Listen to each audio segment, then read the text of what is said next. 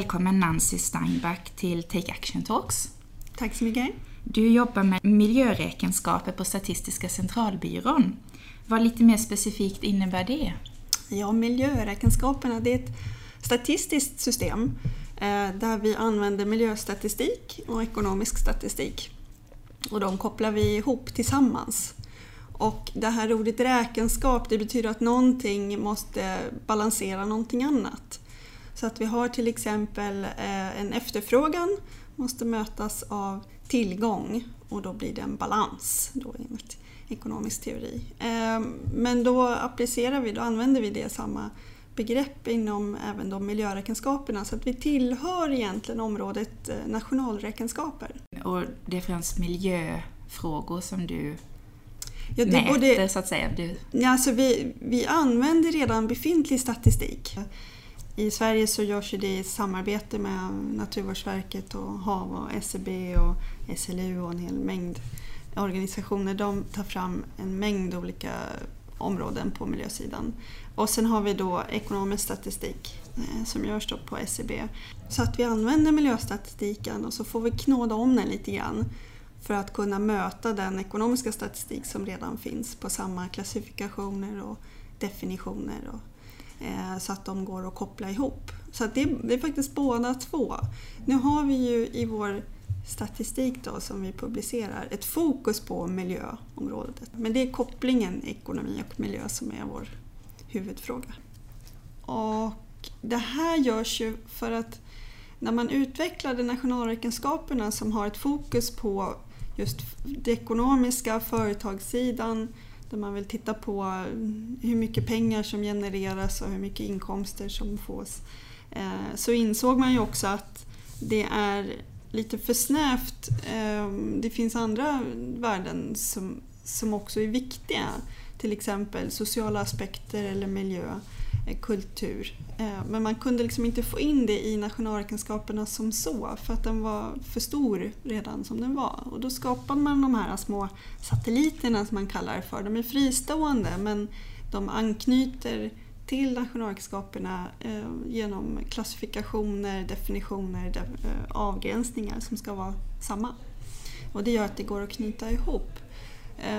Och på miljöräkenskaperna då så tittar vi ju eh, dels på hur mycket ekonomiskt värde som genereras från olika branscher ehm, Eh, från hur mycket staten och hushållen som sektorer Eh, bidrar med. Men sen måste vi även titta då på hur mycket påverkan i form av en, i ofta då en negativ form, eh, de, de bidrag som ekonomin gör eh, på klimatet eller typ till utsläpp till vatten eller kemikalieanvändning som påverkar vårt samhälle. Eh, men vi försöker även knyta in eh, de, de positiva aspekter med att vi behöver en ekonomi för vår anställning, sysselsättning och inkomst. Men man kan använda ett företag på olika sätt. Eh, och det är det vi försöker visa då med den här statistiken. Att eh, I olika former så finns det ju företag som jobbar för en omställning med grön teknologi. Tittar vi på hur många sysselsätter de? Vart finns de i Sverige? Ehm, ehm, används deras teknologi då som insats, de här miljöskyddskostnaderna, ehm, för, för att förbättra den påverkan man har. Ni mäter kort sammanfattat just ekonomins påverkan på miljö och klimat? Eller? Ja, och om man då får in den här ekosystemtjänsten så kan man visa på det motsatta. Hur mycket bidrar miljön till de ekonomiska, alltså de varor och tjänster som produceras? Så man får en liten balans där att visst, det påverkas, miljön påverkas negativt men vi får någonting positivt tillbaka också. Och hur är samspelet däremellan? Det är inte lätt. Eh, det kan vara lite fyrkantigt ibland men eh, vi gör så gott vi kan om man tittar på det stora, stora systemet då med till exempel Agenda 2030 att vi ska leva i samklang, eh, både med varandra men även med naturen. Så är det ju så att vi, vi måste ju kunna använda de resurser vi har på jorden. Men helst så ska det ju vara inom de gränser som jorden ger oss. Ehm, och eh, det är där någonstans i skärningen som vi försöker mäta då hur det, hur det samspelet ser ut. En mycket, mycket viktig och mycket, mycket stor eh, fråga. Mm. Eh, Statistiska centralbyrån inrättades ju i mitten av 1800-talet, men hur länge har Sverige mätt miljö och klimatfaktorer? Eh, om, man, om man ska jämföra med någonting, så om vi jämför med, med befolkningsräkningen då, som började där 1850 eh, och den ekonomiska statistiken som kom igång på 1900, började, tidigt 1900-tal, så 1930 också, eh, så är miljöstatistiken väldigt ung. Ehm, men den har ju ändå funnits i, i sin eh, eh i olika delar kan man säga väldigt länge. Man har räknat eh, skog eller hur mycket man har huggit ner. Man har haft jordbruksstatistik väldigt länge som idag ses som en viktig del i, i miljöstatistiken. Um, om man pratar om klimatstatistik så är ju den ännu yngre. Um, med, um, med sitt stora genombrott med att eh, FN fick igenom Kyotoavtalet Mm. Och då kommer man ju även att arbeta med att utveckla statistiken globalt på ett annat sätt. Ehm, och där fick ju en SCB-are, Sara Ribacke, fick del av eh, IPCCs Nobelpris i fredspriset. Ehm, för att hon var med och hjälpte till att utveckla den globala klimatstatistiken, hur det skulle räknas och tas fram. Oj, det är stort. Det är väldigt stort. Mm. Men eh, om man får lite perspektiv, tidsperspektiv, hur länge ungefär då skulle man säga att just klimat eh, att klimatfrågor har mätts, eller klimataspekter? Ja. Ehm, om man tittar på eh, vartifrån statistiken börjar, alltså årtalet, tidsserie då till exempel, så är det 1990 och framåt. Men till exempel då det här med att titta på hur mycket företag betalar i miljöskydd. Det har ju funnits sedan 70 80-talet. Eh, även eh, olika typer av eh, vattenutsläppsstatistik har funnits väldigt länge, också på 70-talet någonstans. Så det, just ur miljöaspekten, det började med i Sverige då att man kan säga att räkna, sko, räkna träd, eller nästan på säga, men skogsyta och sån avhugg, avverkning ja. och så. Och sen så 70, som du säger, runt 70-talet att mer med hur företag jobbar, miljöskydd och utsläpp. Och, ja, så har i alla fall så, jag uppfattat det under mina år. Mm. Ja, och så 90-talet klimat, ja. mer klimatrelaterat.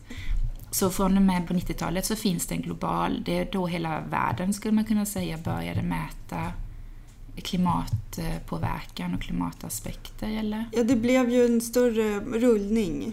Så att eh, det hände ju inte över en dag och det är fortfarande länder som Eh, inte har till exempel klimatstatistik men som mm. jobbar hårt med att utveckla den.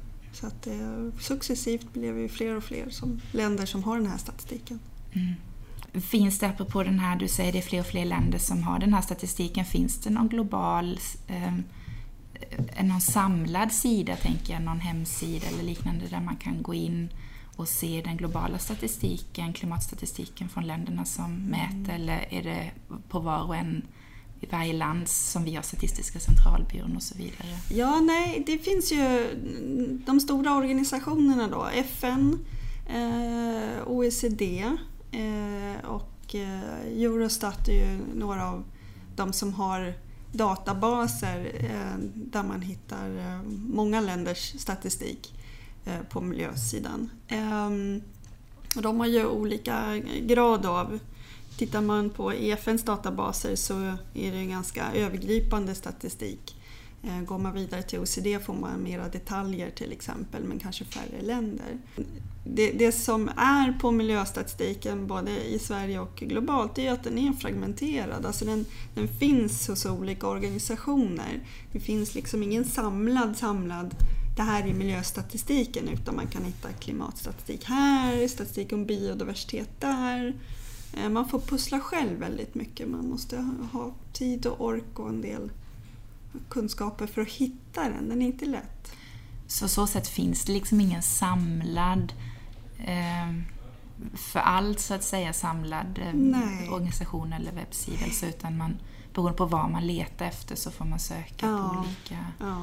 Just nu, mm. det pågår ju i alla fall inom det område som jag är aktiv då, det här miljöräkenskaperna, där finns det ju på internationell nivå stora diskussioner om att kunna dela data mellan varandra, de här stora organisationerna och så att man kan eh, göra data mer fritt och tillgängligt för, för vem som helst ska kunna gå och hitta samma typ av statistik. Då. Den ska ju vara, dels ska den ju vara jämförbar mellan länderna men sen vill man ju också att de stora organisationerna att där ska det vara jämförbart och samma också men det blir lite olika beroende på vad man har frågat efter och vilken tidpunkt det var man fick in data och sådär. Så men det pågår aktivt arbete så att det, det finns hopp om livet för de som vill använda statistik.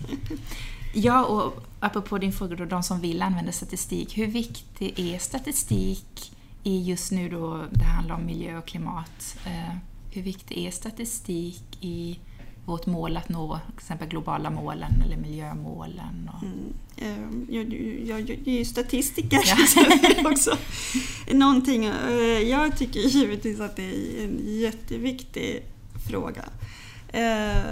Jag tycker att man ska ta fram statistik för att få fakta. Att det inte blir hörsägen eh, och åsikter utan man kan mäta någonting och visa på att eh, så här såg det ut då för några år sedan, så här ser trenderna ut.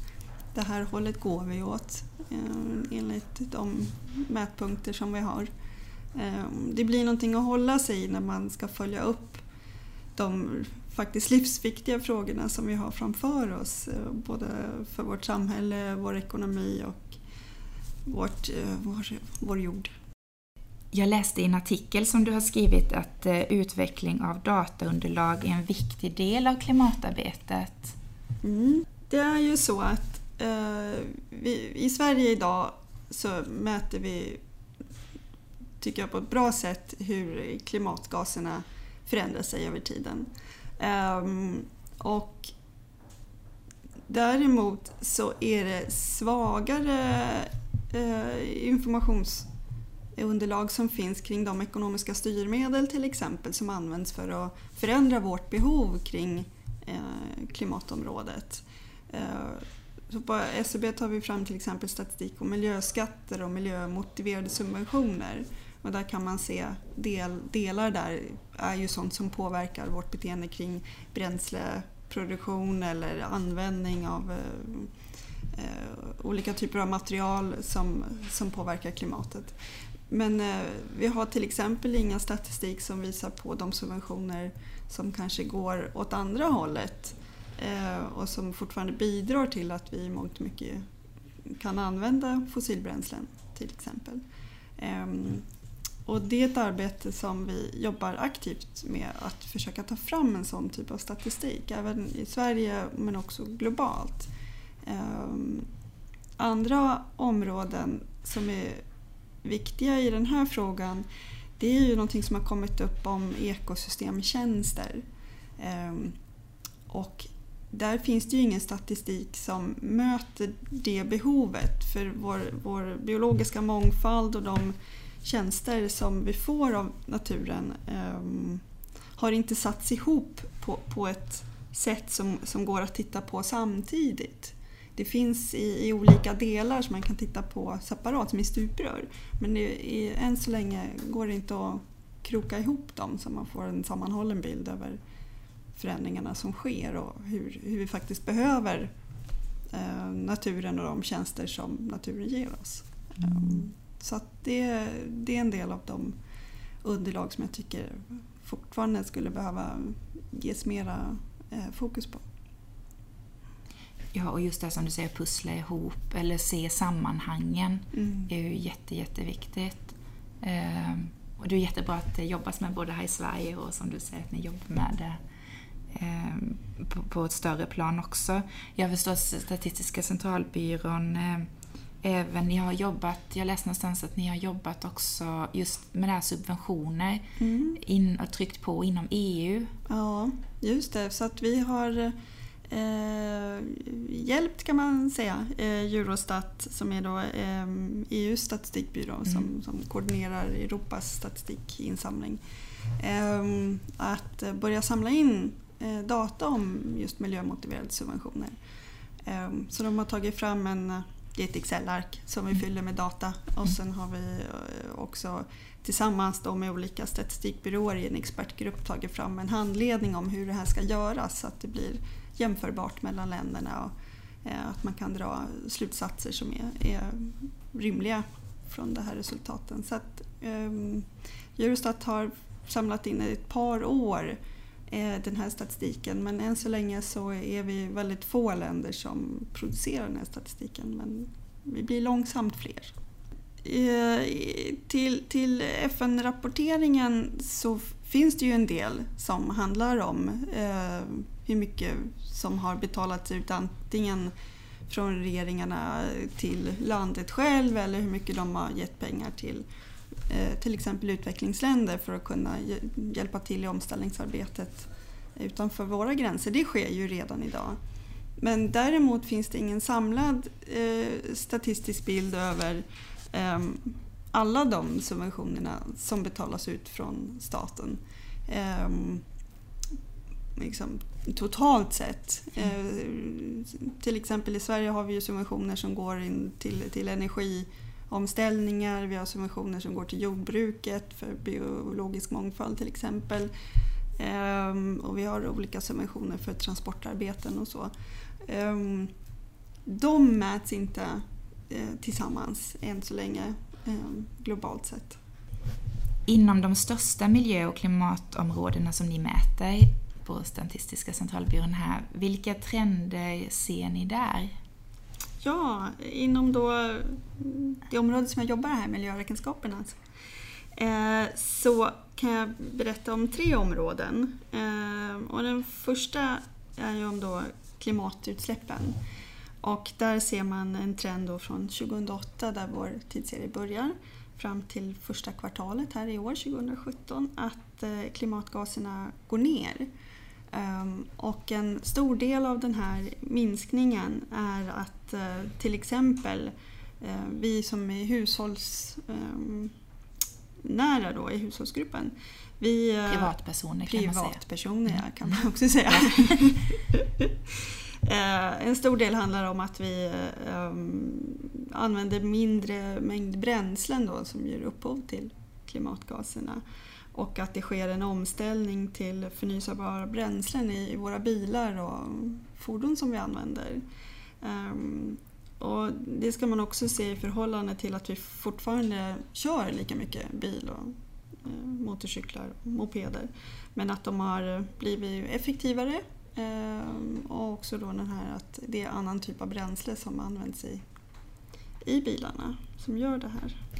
Men där ingår inte flyg Flyget ingår då inte i hushålls utan den Nej. har en egen eh, kategori i vår statistik. Um, och den fortsätter att öka, tyvärr. tyvärr. Men det är ju jättepositivt att det minskar just när det gäller i alla fall bil och eh, ja. motorcykel och så. Ja, det tycker jag definitivt. Eh, och en annan typ av statistik som vi tittar på det är ju hur mycket miljöskatter som betalas in från företag och från även hushåll eh, in till staten. Och eh, där ser man att miljöskatteintäkterna de fortsätter att öka. Och eh, en orsak till det är att ganska nyligen så eh, tog regeringen bort en del skatteundantag som fanns för till exempel jord och skogsbruksföretagen på just bränsleanvändningen. Ehm, så att eh, det, det är ett led i att visa på ehm, att man kan behöva ställa om ehm, sin Eh, bränsleanvändning. Eh, det tredje området det handlar om hur mycket material som vi använder i vårt samhälle idag. Och eh, i den statistiken så ser vi att det material som vi använder, alltså det kan handla om metaller, sand, det kan handla om sånt som kommer från jordbruket, att den ökar och den är väldigt hög för svensk del om man jämför med till exempel Europa. Och det eh, kan vara ett problem eh, om det är så att mycket av de här resurserna som används inte är förnybara. Och i Sverige så har vi en stor del av vårt materialflöde som vi eh, tittar på. Så är det just metaller och sand och de eh, återskapas ju inte. Sand tänker man ändå är så naturligt, men det är att aldrig gå tillbaka och bli sand igen. Liksom. Ja, och sand, sand i sig är ju inget problem för naturen. Eh, problemet är ju att det blir eh, stora sår just lokalt där det här sker. Och, eh, och hur man sedan hanterar de här sand och grustagen när man är klar. Eh, när man vill ha lagt ner produktionen där, vad händer då med de ställena? Eh, och då blir det ju ett lokalt problem för, för den omgivningen, det samhälle som ligger där i närheten och vad som händer då för den biologiska mångfald som är där också. Mm. Så det är de tre stora trenderna ni ser att privatpersoner har ställt om mer till vad säger man, förnyelsebara drivmedel? Ja, de, ja, de ställer om. De, det pågår ju. Det är inte en jättestor andel ännu. Men den, den det gör, går åt rätt riktning. Det går åt rätt riktning och det gör skillnad även på sån här hög makronivå som vi kallar det, när det är mm. nationell statistik. Mm. Eh, så syns det faktiskt. Mm. Och det, då har det hänt ganska mycket. Det är ju jättepositivt. Men vi mm. behöver flyga mindre. Eh, flyga mindre. mindre. Och det är bra att eh, regeringarna försöker styra genom skatter och ehm, styrmedel att vi ställer om. Men att vi använder alldeles för mycket material och konsumerar och producerar mm. för mycket sett till vad jorden klarar av kanske och hur vi gör det kanske också, att det inte är hållbart. Ja, vi ser att den fortsätter att öka och vi ser ju en del av de resultat som är på grund av det. Mm. Du publicerade en artikel förra veckan om att industriernas kostnader för miljöskydd står stilla. Kan du berätta lite mer om det? Mm, jag tycker det är en jättespännande statistik. Eh, den har funnits länge, sen, för mig länge, 80-talet. Eh, och den tittar just på hur mycket företag investerar i att minska sin egen miljöpåverkan. Det kan vara filter som de behöver för att rensa. Det kan vara slutna system som gör att olika typer av utsläpp till vatten inte sker. Eh, och vi mäter också hur mycket löpande kostnader företagen har i, i den dagliga verksamheten, då, i drift och underhåll och administration och certifieringar och liknande. Ehm, den här statistiken som vi har, den, den visar att om man tittar på den absoluta kostnaden så ökar den över tiden. Eh, men om man ställer det i relation till de här företagens produktionsvärde då, då står de här stilla. De, de följer varandra väldigt väl. Men det är ju inte bra, eller? Nej. Eh, nej. Eh, saken är ju den också att om man tittar på den statistiken tillsammans med då miljöstatistiken. Eh, tittar man till utsläpp till luft. Ehm, jag hade ett exempel i artikeln om massa pappersindustrin. De eh, ehm, har väldigt stor påverkan på utsläpp av kväve och fosfor till exempel till, till vattendragen. Ehm, och de gjorde en jätteinvestering i början, någonstans 2009 kanske. Eh, och det ser ut då i statistiken att det har gett utslag. Ehm, vilket ger en, en positiv eh, effekt då. Men eh, tittar man nationellt sett eh, så ser det ut som att det behövs mera insatser från företag att hjälpa till att minska den påverkan som finns. Både till luft men också till vatten, användning av kemikalier farliga ämnen. Eh, du hade också skrivit att, det var två, att man mätte två olika typer. En behandlande bil, mm. underhållande eh, och en förebyggande bit. Mm. Och att eh, vi, vi investerar, eller att företagen investerar alldeles för lite i den förebyggande. Ja, precis. statistiken är indelad så att när vi tittar på just investeringsdelarna nackdelarna så ber vi företagen dela upp vad, vad har den här investeringen handlat om? Är det så att de har sett till att eh, bara rena den förorening som uppkommer eller har de sett till att den inte uppkommer överhuvudtaget? Alltså från första början. Um, och det är den här skillnaden av förebyggande investeringar och behandlande investeringar. Och där ser man att um, just de här eh, behandlande investeringarna, det är ju den här gamla EndoPipe-tekniken Och med det så blir det status quo på något sätt. Eh, men om man ställer om och har en mer integrerad process som är mycket, mycket svårare och kräver mycket mer av teknologier och innovationer. Då, men det är där det händer, att man slipper använda farliga material.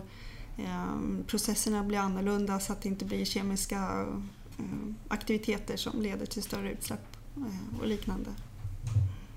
Så det krävs mycket mer. Företagen har ett stort ansvar här att faktiskt... Eh, nu är detta nationell statistik så det är svenska företag det handlar om, eller? Mm. Ja.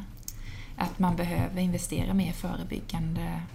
Och även, eh, det nämndes i artikeln att generellt i Europa att det är mer behandlande än förebyggande insatser som görs. Ja. Um... För förebyggande är som du säger att det blir mer hållbart på sikt, att, för att det ska bli hållbart på sikt. Och Precis. Det borde bli billigare på sikt också för företagen. Ja, vad vi ser eh, är ju att det, det finns ju mer lättillgängliga teknologier att tillgå som handlar om de här end-of-pipe-lösningarna. Mm. Jobbar ni på Statistiska centralbyrån enbart inom situationstecken med att mäta miljö och klimatfaktorer i Sverige, vilket ju är eh, mycket nog, men hjälper ni även till att eh, ta in statistik utanför Sveriges gränser eller mäta statistik? Ja, eh, nej. Vi, eh, vi tar inte fram statistik åt andra länder.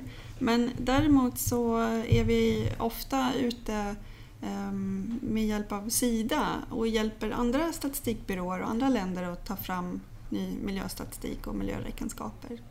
Ehm, så att vi är ute ett par gånger per år i olika länder i Afrika eller i Balkan, en del Sydamerika ehm, och, bidrar till att sprida kunskapen om hur man gör statistik och hur man gör den jämförbar internationellt så att de kan göra bra statistik. Det är ju jätteviktigt. Och som du sa här innan, att också att alla mäter samma så att det går att jämföra materialet. Och Mm, vi, vi, tycker att det är jätte, en jätteviktig del i att uh, man kan titta på en samlad bild, inte bara nationellt utan se hur resten av världen uh, har det. För att vi är ju inte isolerade utan vi är ju här tillsammans. Ja, och få nå, nå tänker jag, eh, Parisavtalet och, eh, och också det här att vi inte får överskrida 2,0 graders höjning jämfört med förindustriell tid. Har ni märkt någon skillnad i efterfrågan på just miljö och klimatstatistik de senaste åren? Mm. Eh, jag började 2001 här på SCB och eh, då var det aktiviteter men, men sådär lite puttrande.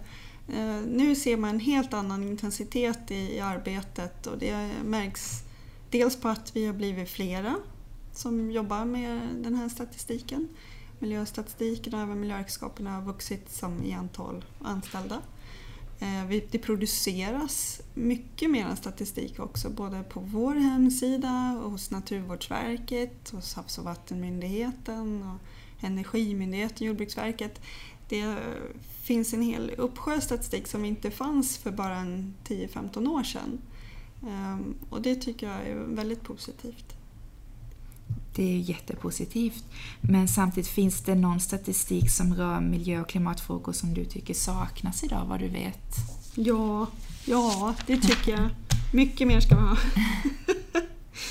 Eh, det finns några specifika områden som som det saknas eh, rejält mycket statistik. Och det, den ena har vi nämnt då som handlar om det här med eh, miljöfarliga subventioner. Eh, och då särskilt då med koppling till fossildelen. Eh, där, eh, där skulle vi behöva eh, få dataunderlag som är institutionaliserat eller som, som man gör löpande årligen eh, och går att följa upp. Eh, andra områden som vi har sett ett ökat intresse kring eh, och där det inte finns eh, löpande statistik kring, det är ju det här med vår konsumtionens miljöpåverkan. Ehm, Naturvårdsverket och SCB jobbar ju tillsammans och tar fram en sån här ehm, det kallas för konsumtionens klimatpåverkan indikator. Man tittar på dels hur mycket vi släpper ut inhemskt här i landet men också hur mycket vi måste importera med det vi köper för vårt dagliga behov. Eh, hur mycket utsläpp det drar med sig. Eh, nu pågår det forskningsarbete, ett projekt som vi kallar för PRINS eh, där man ska titta på även annan typ av miljöpåverkan då, från vatten, från kemikalier ehm, och även titta specifikt på olika områden då, som matproduktionen. Eh, hur, hur är vårt bidrag i, i den globala delen med, det, med vårt behov eh, och vart kommer de ifrån och vad händer där? Ett tredje område som det skulle behövas mer statistik kring det är det här med ekosystemtjänster.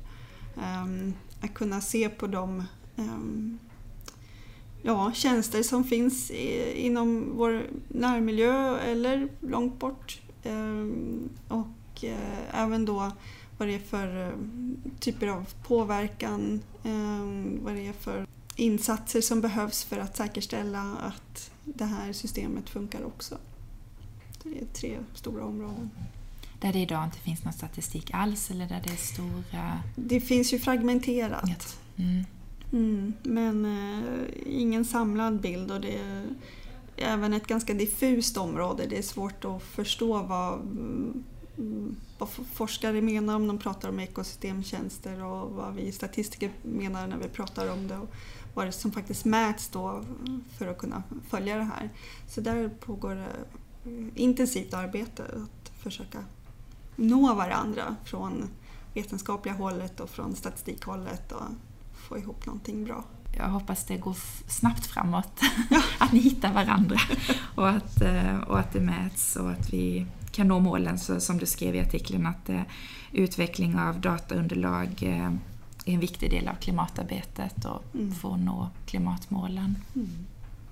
Jag brukar avsluta varje poddavsnitt med att be den jag intervjuar om några konkreta, konkreta tips på eh, antingen ja, vad man i sin vardag kan bidra med mm. för att ställa om till ett hållbart samhälle. Mm. Så om du har några sådana tips? Ja, eftersom jag jobbar på SCB så är jag alltid angelägen om att de enkäter vi skickar ut eh, kommer tillbaka ifyllda. Så att svara gärna på SCBs um, enkät som kommer på post eller om vi ringer. Um, För de ger viktigt underlag till föromställningen? De gör det. Um, och ju mer information som vi kan ha möjlighet att komma ut med som är stabilt, Ehm, kvalitetssäkrat, desto bättre beslut kan de som ska ta dem eh, göra.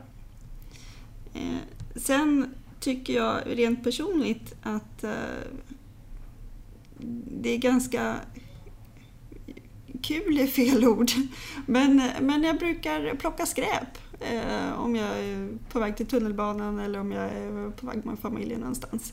Um, som jag ser liggande och som inte ska ligga där. Så att, då brukar jag plocka upp det och hitta en soptunna. Och det har jag märkt nu att det smittar av sig på barnen som också springer och plockar skräp eh, lite här och var. Så det är ett tips som jag vill ge vidare. Det är jättefint. Mm. Om vi alla gör det, då skulle vi inte hitta skräp någonstans. Eh, ja, om man slänger det i soptunnan så... Från början, ja. Precis. Så apropå förebyggande, att det är bättre att förebygga. vi börjar med alla slänger i papperskorgen istället för i naturen från början. Tack. Tack snälla du för att du ville vara med och eh, kanske på återhörande längre fram. Tack snälla du för att jag fick vara med.